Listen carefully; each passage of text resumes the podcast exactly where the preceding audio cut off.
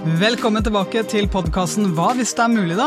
Og en veldig spesiell episode. Jeg har uh, hun som jeg beundrer mest av alt i hele verden ved min side, Gro Hammerseng Edin. Velkommen. Tusen takk. Det er så gøy at du introduserer meg med hele navnet. Ja, I tilfelle jeg ble i tvil på hvem er du egentlig, så tenkte jeg at nå må jeg bare gå all in, sånn at jeg husker, uh, husker nøyaktig Altså, Jeg tror jeg fortsatt heter Gro Hammerseng på din mobil, mens du Nei, det er på mamma sin. Men du har lagt inn deg sjøl som verdens beste kone på min. ja, det er i tilfelle du skulle bli i tvil. Hvem er du egentlig? Du, jeg, jeg, hadde lyst til å invitere deg med på podkasten i dag fordi at du har gjort noen ting i det siste som jeg har blitt inspirert av, og som jeg tror også lytterne våre kan bli veldig, veldig inspirert av. Eh, du klarer enormt mye på kort tid. Det er lov å si. syns du det? Ja, jeg syns det. Jeg syns det.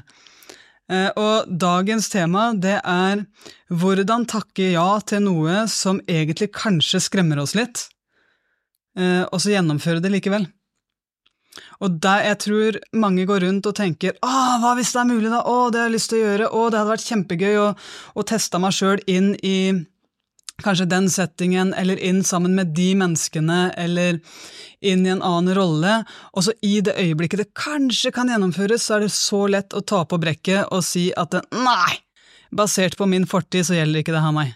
Mm. Og så trekker vi oss. Og jeg tror eh, veldig mye kan vi finne svar på i den samtalen som vi skal ha nå. Og til deg som lytter, da. Hvis du trenger mer selvtillit, så er det her podkasten for deg. Vi kommer til å gå gjennom Dan Sullivan sin 4C. Han har laga en formel for selvtillit, og 4C det er egentlig det passa så bra for han, vet du, for han er engelsk.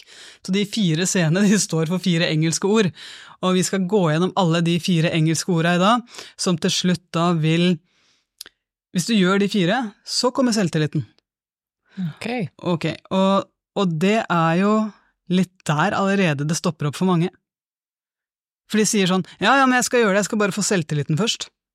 Jeg skal gjøre det, jeg skal bare få ferdighetene først. Men sannheten er det at både selvtillit og ferdigheter, det kommer jo ikke først. Det kommer til slutt. Så mange tror at det starter med de to scenene som handler om confidence og capability, men egentlig så starter det med to seer før det, som heter Commitment og Courage. Og da er vi inne på de fire magiske orda som denne podkasten handler om, og det er selvtillit og ferdigheter. Det blir bygd opp av mot og forpliktelse. Er du klar? Jeg er klar. Let's go. Ok. Eh, Gro, du har eh, gjennom de siste to åra takka ja til helt nye roller i livet ditt. Du har blitt eh, landslagstrener for det yngste landslaget i håndball.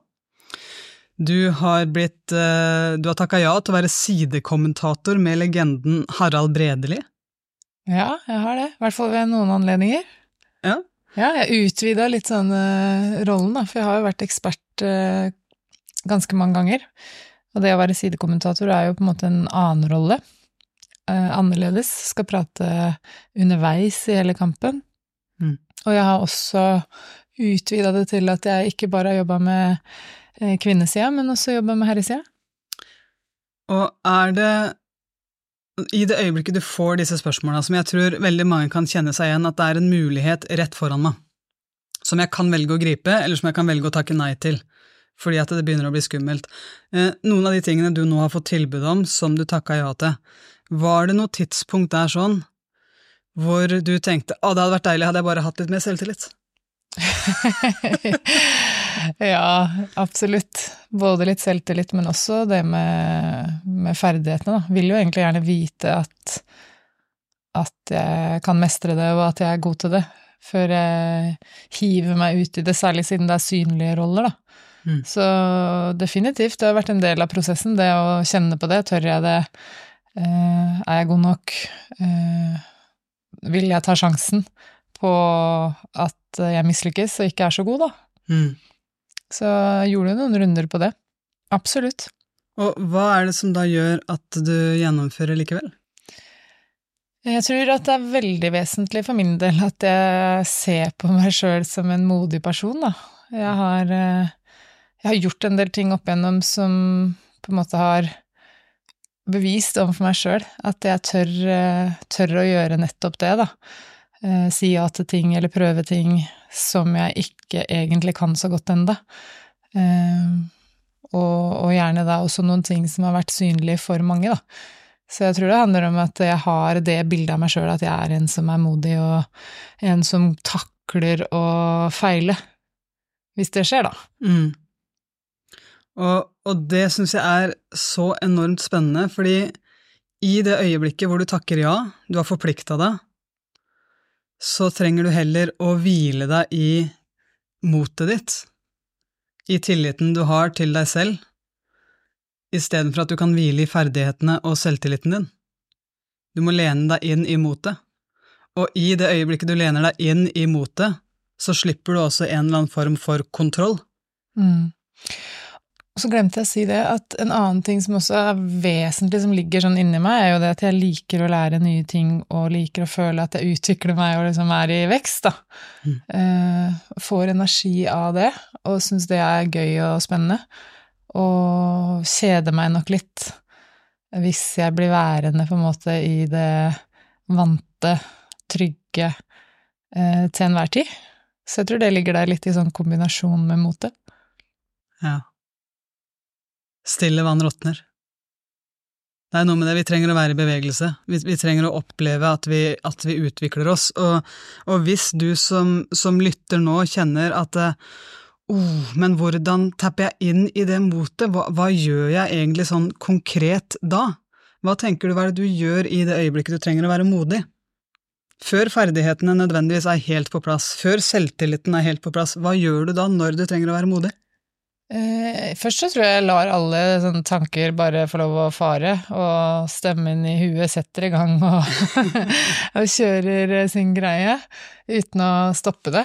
Og så etter hvert da, så begynner jeg liksom å utfordre litt kanskje det jeg driver og forteller meg sjøl, eller jeg klarer å sortere det litt, og så uh, har jeg jo vært på en måte profesjonell idrettsutøver i mange år, og da har jeg vært nødt til å øve på å deale med nerver, eller deale med det å være litt sånn usikker på om jeg kommer til å lykkes med ting eh, som det er mange som følger med på, og Eh, da har jeg jobba veldig veldig mye med å sånn spørre meg sjøl sånn ok, hva er det verste som kan skje hvis du sier ja, da, og det ikke går sånn som du hadde tenkt? Eh, så den pleier jeg ofte å dra, da. Sjekke ut sånn ok, er det noe jeg ikke kan takle hvis det går til dundas? Mm. Eh, og så pleier jeg å leke litt med det, faktisk, og, og bruke humor litt på det òg. Så sånn type Når jeg skulle si ja til å jobbe med, med Harald da, og, og være sidekommentator, så kunne jo kanskje vært sånn at i en ideell verden at jeg hadde fått øvd meg på å sitte ved siden av han og prate gjennom noen kamper hvor ikke det var noen som hørte på, men det har jeg jo ikke gjort. Det er det jo sjelden tid til i den bransjen, så da er det jo bare å hoppe i det og gjøre det live. Uh, og da har jeg jo kjørt den derre ok, men hva hvis jeg på en måte blir helt stressa og stum, da, ikke kommer på noe lurt å si, så har jeg jo bare ledd for meg sjøl og tenkt at ja, men han, han klarer å kommentere kamper aleine, så da kommer han bare til å prate, mm. og så kommer det til å gå bra. Uh, og så vet jeg jo innerst inne at, uh, at, det kommer jo ikke til å skje, men jeg pleier å dra gjennom de der scenarioene med ok, men hvor ille kan det gå, da? Og så, og så pleier jeg som regel å begynne å le av det, for det er ganske liten sjanse for at det skjer, for det første. Uh, og for det andre så er jo ikke konsekvensene i de settingene jeg holder på, de er jo ikke så store som hvis du f.eks. skulle gjennomført en viktig operasjon på noen eller noe i den gata, som kan liksom være liv og død, da. Ja, det er ikke da, og det er viktig å presisere, det er ikke da du skal satse på motet. Det er ikke ja. da du skal satse på forpliktelsene mot det.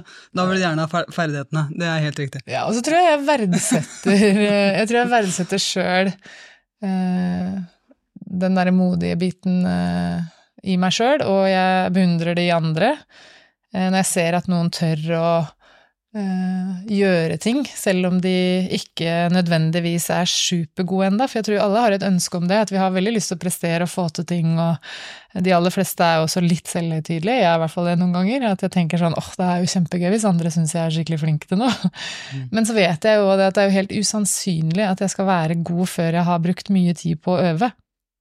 Og så er jo da greia at i noen av settingene som jeg har sagt ja, da, så øver jeg jo mens jeg er i en veldig synlig rolle, og det er jo eh, den ekstra liksom, utfordringen med det. At eh, det er mange som ser på. Eh, men da bruker jeg jo den erfaringen jeg har gjennom å ha ja, jobba mye med den mentale biten av det, da, og fokuset mitt, og hva er det jeg liksom skal legge vekt på. Og så i tillegg så har jeg bra vaner på å hente fram sånn hva er det jeg kan putte inn her, da, hva er det jeg kan bruke av mine kvaliteter inn i det jeg skal gjøre. Og så kan det jo godt være at det er noen ting jeg ikke kan enda, men jeg vet som regel at ja, men dette og dette og dette, det er jeg ganske god på, det kan jeg putte inn. Og så er det nesten ingen settinger hvor jeg ikke jobber med andre folk. Og når jeg da jobber med andre dyktige folk, så henter jeg jo masse sånn selvtillit og trygghet i det òg. At ok, jeg skal jobbe med han eller hun. Så det betyr at det er kanskje greit at jeg ikke er dritgod fra starta. Um, og ikke minst minne meg sjøl på uh, at det hadde vært det hadde vært helt feil å forvente av meg sjøl at jeg skal være perfekt, eller at jeg skal få til alt på første forsøk. Eh, når du gjør noe for første gang, så, så, er det veldig, veldig få mennesker som bare er gode. De aller, aller fleste er gode fordi de har øvd seg over tid. Ja. Eh, og feila masse på, på, veien. Ja. Og da er vi jo inne på Pound the Stone, eh, den nydelige, nydelige quotet til Jacob Riis. At uh, når ingenting ser ut til å hjelpe, så ser jeg på steinhuggeren, som slår på steinen sin, kanskje hundre ganger uten at noe skjer og på det 101. slaget deler steinen seg i to. Og han vet at det var ikke det slaget som gjorde det, men de hundre slaga før. Og, og, det er det det vil si å være tålmodig i din egen prosess, da, det her har jo du stått i nå. Det, du står i det å slå de hundre slaga. Du, du, tør å slå slag én uten å være god. Og, og hvordan jobber du med den tålmodigheten? Jeg, jeg, gjorde det senest nå på siste jobben jeg gjorde med, med Harald, da, hvor jeg skulle bidra på en sluttspillkamp på herresida, hvor jeg gjør den jobben, tør å gjøre den jobben, uten at jeg har så mye erfaring med å jobbe som sidekommentator, for det første, og jeg har heller ikke jobba så mye med herrekampene som jeg har gjort på, på damesida. Så jeg kan jo flere detaljer og vet enda mer om hver enkelt spiller på damesida, så det er jo klart at jeg har jo mer trygghet når jeg snakker i en uh, i en kvinnehåndballsetting enn i en herrehåndballsetting, men eh, da turte jeg å gjøre det, og jeg, jeg, gjorde det også litt fordi at jeg hadde lyst til å utfordre meg sjøl, men jeg gjorde det også for å hjelpe de, det laget, da, for jeg visste at nå er det mye trøkk på de. Eh, de skal ha mange kamper. De ba om hjelp, lurte på om jeg hadde kapasitet. Mm. Jeg hadde lyst til å bidra. Og så og så har jeg også litt i bakhodet at jeg har lyst til å være en sånn en voksen rollemodell for ungene våre. At jeg tør å gjøre ting selv om ikke jeg liksom nødvendigvis er skikkelig god ennå. Men allikevel, når jeg sånn kjører hjem og har sluppet Harald eh, hjemme hos seg, så, så setter jeg på sant, eh, opptaket sånn at jeg kan høre min egen stemme i, i omgangen. fordi du hadde jo sendt meg en helt sånn fantastisk melding, og du syntes jeg var helt uh, fabulous i rollen, men du er jo på en måte kona mi, og du heier på meg alltid, så det veier ikke så tungt, fordi du hadde uansett hvor ræva jeg hadde vært, så hadde du klart å finne noe fint i det. Så jeg, jeg ville lytte sjøl, og så hører jeg jo med en gang at ok, jeg kan bedre enn det her, liksom. Jeg kunne ha levert mye mer eh, hvis jeg hadde klart å ja, kanskje være enda eh, mer flink til å leve i det som skjedde, eh, hvis jeg hadde klart å eh, på en eller annen måte Jeg kunne ha naila det bedre enn det jeg gjorde, selv om jeg ikke hadde øvd så mye. Eh, men da måtte jeg jo gjøre den runden som jeg ofte må gjøre, da at uh, ok, du har eh, to alternativer nå. Du kan sitte nå neste timen i bilen her aleine og være misfornøyd med at å ja, det var ikke så bra som du skulle ønske. Um, eller så kan jeg jo velge å tenke at wow, du turte. Det er jo dødsbra. Jeg kunne finne noe annet positivt. Det var jo at Harald delte jo at han syntes det gikk fint. og og det er jo en viktig del av jobben, det er jo at uh, makkeren skal føle seg trygg og føle at det flyter og uh, Han hadde ikke liksom i samme grad som deg skamrost meg. Og det var ikke det at han skamroste meg, men han ga meg noe feedback som var liksom et, en bekreftelse på at han syntes det gikk uh, ok. Eh, og så tenkte jeg at han er jo en eh, mann med masse erfaring som jeg ser opp til i den rollen, og, og hvis han følte at uh, dette her, her var brukende, så, så, var det nok det. Og da kan jeg jo velge å være litt stolt av det òg. Um, Og så I tillegg så kunne jeg finne andre ting å være happy for, og det var jo at jeg hadde levert eksamen, eh, siste eksamen kvelden før. Så da istedenfor å sitte der da, og pirke på alt som jeg kunne pirke på, så, så valgte jeg heller å leite etter eh, hva er de positive tinga her, samtidig som jeg la merke til et par ting som jeg tenker at jeg har lyst til å ha i bakhodet neste gang jeg skal løse oppgaven. Eh, som jeg da skal ha som arbeidsoppgave. Og det er jo en mer en sånn energigivende og konstruktiv måte å jobbe på. Eh, så jeg, jeg er veldig glad for at jeg har lært meg de teknikkene, og det jeg også valgte å være skikkelig fornøyd med, det var at jeg klarte å kose meg på jobb. Altså, det er godt gjort å klare å kose seg på jobb i en setting som er såpass utrygg, for det er ikke så lett kanskje å sette seg inn i, da, men bare det at jeg, jeg har ikke lært meg på en måte hvordan hvordan skal jeg justere lyden på den der mikseboksen som står mellom meg og Harald, som på en måte jeg kan sitte da og skru opp og ned dommelyd eller eh, lyden til eh, stemmen til Harald, eller altså sånn. Det er jo ting jeg kan justere på, men det kan har jeg ikke Kan du mute Harald hvis du vil? Nei, jeg tror ikke jeg kan det. men jeg kunne jo valgt å bli sånn kjempestressa underveis over at ja, men jeg skjønner jo egentlig ikke hvordan jeg skal justere noe som helst på den boksen her. Eh, eller jeg kunne sittet og vært livredd for at jeg skulle si et navn feil da, på en av de unggutta som jeg kanskje ikke har sett så mye på banen før. Mm. Eh, men jeg klarte liksom allikevel å bare legge vekk det og være i det øyeblikket sammen med Harald og se en fantastisk god håndballkamp og klare å kose meg litt. Og da tenkte jeg det er jo også noe å anerkjenne, evnen til å gi slipp på uh, de tinga som, som, kanskje kunne ha forstyrra mye, da. Bare sånn Det er god win. Ja, jeg hadde ikke peiling på sånn jeg kom inn i hallen, så tenkte jeg ok, hvor er det vi skal sitte?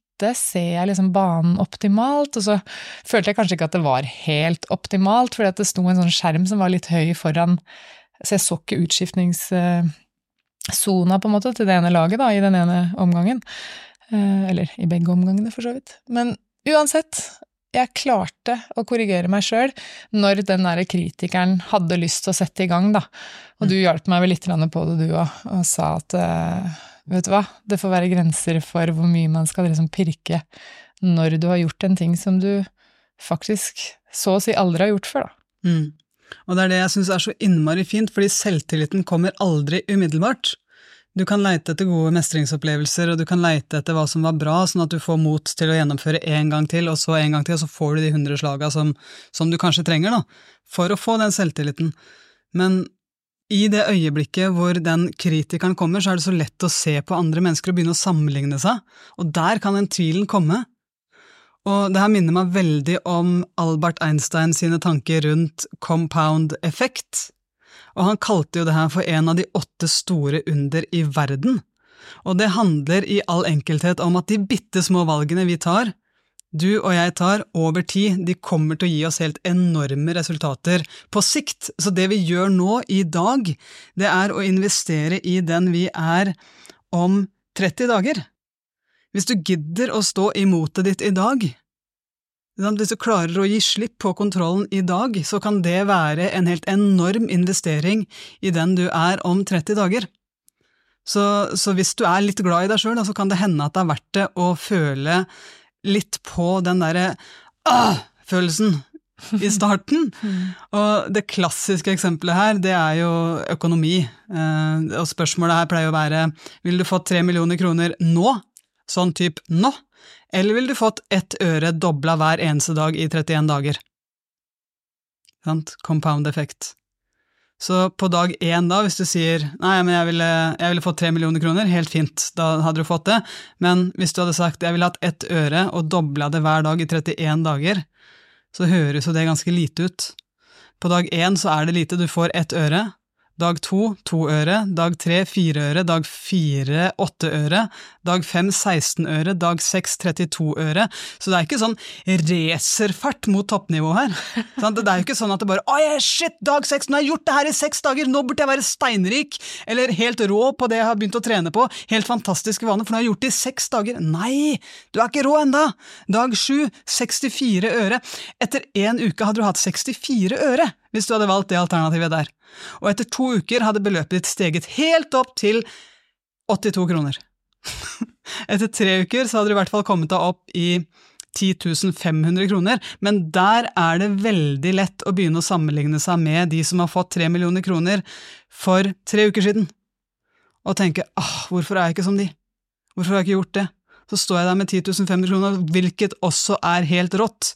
Jeg står der om i de i det eksempelet her sånn, så tar vi jo penger, men hvis du kan tenke deg at det her sånn handler ikke bare om penger, det her handler også om våre mentale vaner, det her handler også om hvordan vi bygger selvtillit. Så med tålmodigheten, med pound the stone, med den formelen som Gro nå snakker om, på dag 31, hvis du er litt utholden, så sitter du med 10,7 millioner kroner. Så det er veldig lett å tenke kortsiktig, nei, men jeg vil få 3 millioner kroner nå. Men på dag 31 så vil du få 10,7 millioner kroner. Og du hadde ikke bare fått de kronene, men etter at du har gjort det her sånn i 31 dager, så har du etablert noen standarder. Du har sett deg selv gjennomføre ting med mot, sånn at du vet at du har ikke bare fått 10,7 millioner kroner, for selvtillit er aldri noe du får.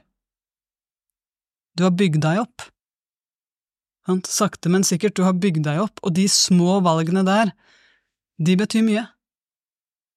For det er ikke tilfeldig om du får selvtillit eller ikke. Det er ikke, det er ikke sånn at noen bare får selvtillit som en gave. Selvtillit er noe vi bygger opp, selvtillit er noe vi får over tid.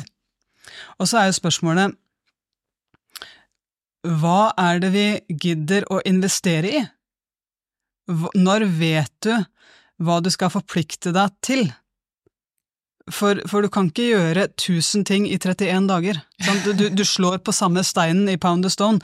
Du, du, gjør den samme tingen for å få selvtillit, så, så, er det avhengig av at du gjør det samme. Uh, David Lynch har skrevet en bok som heter, jeg mener det heter Big Fish, Small Fish. David Lynch, Søk opp David Lynch og Big Fish, da får du hele greia. Han sammenligner oss mennesker med havet. Og hvis vi er havet, så vil vi se at helt, helt, helt øverst i vannskorpa vår, så finner vi de små fiskene, og da finner vi mange av de. Men det er først når vi våger å gå inn i dypet, og våger å se dypere på oss sjøl, på livet vårt, på standardene våre, på det vi egentlig drømmer om, på det vi egentlig vil, når vi våger å gå dypt, dypt, dypt, dypt, dypt ned, da ser vi de store fiskene. Og det er de vi er ute etter, og veldig mange mennesker de holder seg superopptatt hver eneste dag med små fisker, og de blir dritslitne, utslitt, frustrerte.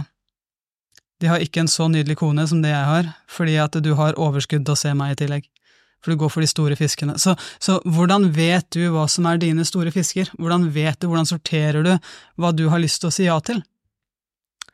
Utfordringen er jo at jeg vet jo ikke alltid det, men jeg er i hvert fall villig til å gå i dybden. Uh, og, og, har også skjønt at uh, det går jo ikke an å jage veldig, veldig, veldig mange sånne dype dykk samtidig, da. Uh, selv om jeg av og til har jo skjønt det at ok, men nå er det kanskje litt for mange arenaer. for mange arenaer jeg driver og har lyst til å, å prestere på, men da justerer jeg jo relativt raskt, da. Eh, men uansett så Jeg pleier jo egentlig bare å sånn teste sånn Hva er det jeg er skikkelig nysgjerrig på? Eh, og så vet jeg jo også noe om hva er det jeg pleier å eh, bli positivt trygga av, da. Mm. Hva er liksom sånne positive fremmere for meg? Og da handler jo det som oftest for min del også om folka som jeg skal drive og samarbeide med eh, når jeg skal gjøre ting. Det må jeg alltid sånn ta en liten sjekk-opp på. Føles det riktig og bra? Eh, og så er jeg veldig god til å gå all in mm. når jeg først går inn i noe. Det er jo litt sånn jeg gjør eh, og alltid har gjort i forholdet vårt òg. Gått ut og inn av forhåndet? Nei. Nei takk. All jeg måtte bare presisere. All in. Ja, all in ja. ja. Uh, og, og, det å gjøre det, og tørre å gjøre det, det betyr jo ikke at jeg forplikter meg sånn for resten av livet på ting, for det, sånn, det trives jeg ikke så godt med. Jeg er egentlig mer sånn på prosjekt eller prosjektbasis, eller, eller kanskje det å si ja til at nå gjør vi dette i den perioden, og så ser vi hvordan det går, og så tar vi en liten uh, sjekk-up da på mm. hvordan det funker. Men Eh, bortsett fra i forholdet vårt, da, da er det ikke noen sånne pauser. det er ikke noen sånne tenkepauser der. Men, eh, men jeg er god til å gå all in, i hvert fall. Og så samtidig da har jeg jo prøvd å måtte gå ut av ting. For Mm. eksempel når jeg sa ja til en, en stilling som jeg hadde trua på at kunne bli en kul greie. Eh, sa ja til det, eh, gikk all in. Eh, kjente etter hvert at det var feil. Men det er jo noe med det at det er sånn jeg i hvert fall velger å prøve å finne liksom de store fiskene, da. Mm. Det er jo gjennom å våge det, og um, gå 100% inn i det når jeg først har valgt å gå inn i det, og dykke inn i det. Mm. Um, er ganske uredd der. Mm. Uh, og i hvert fall hvis jeg treffer, så kan jeg være veldig tålmodig. Mm. Eh, men det er bra du ikke liksom stilte meg sånn spørsmål om sånn regnestykke. Vil du ha tre millioner nå, eller vil du ha så og så mye? For jeg klarer jo ikke Og Hvis ikke du hadde tegna og forklart noe, Mm. så hadde jo ikke jeg skjønt at det økonomisk smarte var alternativ to. Så jeg er veldig glad for at du Ja. regna litt høyt. Ja. Men eh, Jeg vet ikke om det var svar på spørsmålet ditt, men jeg tror i hvert fall det der med å, å gå skikkelig all in i noe, Mm. uh, istedenfor å drive og sånn eh, Prøve å ha håndbrekket på og gå litt sånn og snuse litt her og der. Men bare gå inn i det og være ganske uredd i det. Og man veit jo ikke det, om det viser seg å være det riktige. Og det krever mot igjen. Mhm. Det, det krever enorm mot å stole på nysgjerrigheten. Tørre å være nysgjerrig på er det her noe for meg? Jeg vet ikke, men la oss finne det ut. Ja, og hvis man kanskje kjenner at åh, jeg tror faktisk at jeg kunne ha blitt veldig god til det her. Hvis jeg hadde tillatt meg å, å trene på det og bruke tid på det, investere i det, spørre om hjelp, få lære av de beste, eh, så, så gjør det. Mm. Det er jo ganske gøy, da. Mm.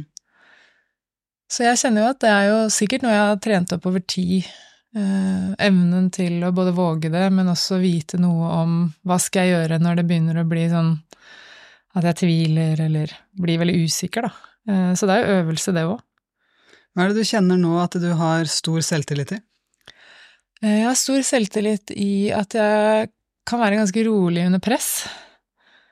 Eh, Jeg har selvtillit i at jeg er god til å få folk til å virke godt sammen. Mm. i, i team og i lag, og jeg er god til å smitte andre med min ro.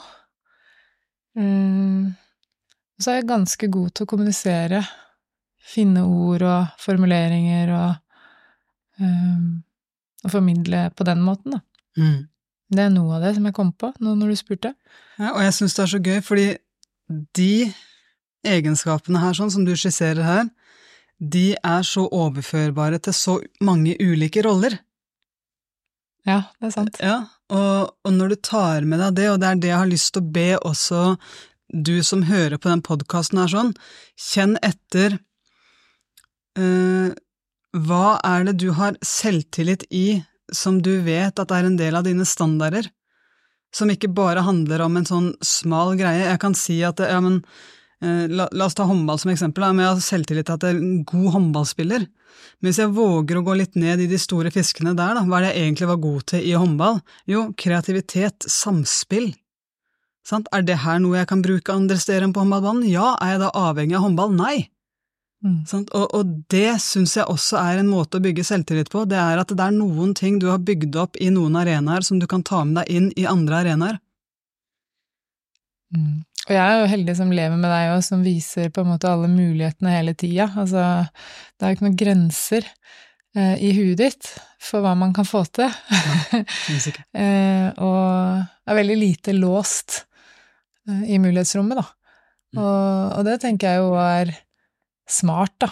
Hvis du sitter der og kjenner at jeg kjenner meg ikke igjen i noe av det de snakker om nå, jeg er langt unna dette, liksom, så, så for min del så har det også vært viktig å være rundt mennesker som inspirerer meg til å tørre. Um, være rundt mennesker som er ganske åpne og ærlige om feilinga si underveis òg. Ja. Eh, som kan dele av at eh, det, det har ikke vært en sånn derre eh, kurve som bare har pekt oppover. Jeg har tryna, og jeg har snubla, og jeg har eh, kanskje av og til måtte endre retningen litt, og eh, det å se eh, og være tett på mennesker da, som både tør og kan dele sånne ting åpent, eh, og som også viser meg at de lever gode liv nettopp fordi de eh, ikke lever med håndbrekket på, da, men tør Mm. å ja, tør å satse litt, tør å prøve nye ting, eh, tør å utfordre seg sjøl. Noen ganger lykkes, andre ganger måtte bare si at ok, jeg, jeg har ikke tålmodigheten som kreves til å bli god nok. Det er jo det, det å møte mennesker på dag sju, at de er ærlige på at de er på dag sju, det, Mm. det er også nydelig. Det er, eh, der er vi alle når vi er gjennom en eller annen reise på, på vei mot vår selvtillit. Da. Så jeg håper virkelig at dagens episode har vært inspirasjon for deg som lytter. Hvis du har lyst til å stille oss noen spørsmål eller komme med forslag til nye temaer på podkasten, så send de gjerne til oss på Instagram. Der eh, finner du Gro på Hammersengedin, du finner meg på Anja Hammersengedin. Og så hvis du vil jobbe mer med meg, så finner du meg i appen Heart Mentality. Så Utfordringa mi når jeg er gjest i podkasten din, det er at jeg får et problem, for jeg pleier jo faktisk å høre på deg når jeg er ute og løper eller går eller trener og sånn, og jeg gidder jo ikke å høre min egen stemme, så du må forte deg å lage en ny episode. ja, kanskje du kan sende meg en melding på Instagram om eh, ønske på tema, så skal jeg lage ja, en ny episode. Ja. Det skal jeg gjøre. Ok, det er nydelig. Takk for i dag, folkens. Tusen takk for at du hører på podkasten Hva hvis det er mulig, da? Jeg håper at det her sånn har vært noen nye tanker inn mot selvtillit, og hvordan du kan bygge den. Gi slipp på kontrollen, kjøre litt pound the stone, kjøre litt compound effect, og finne ut av hva er det som er dine store fisker. Tørre å være litt nysgjerrig på det, og tørre å takke nei til alle de små fiskene som, som kanskje egentlig bare er skum i bøtta. Så tusen, tusen takk for i dag. Nyt dagen videre.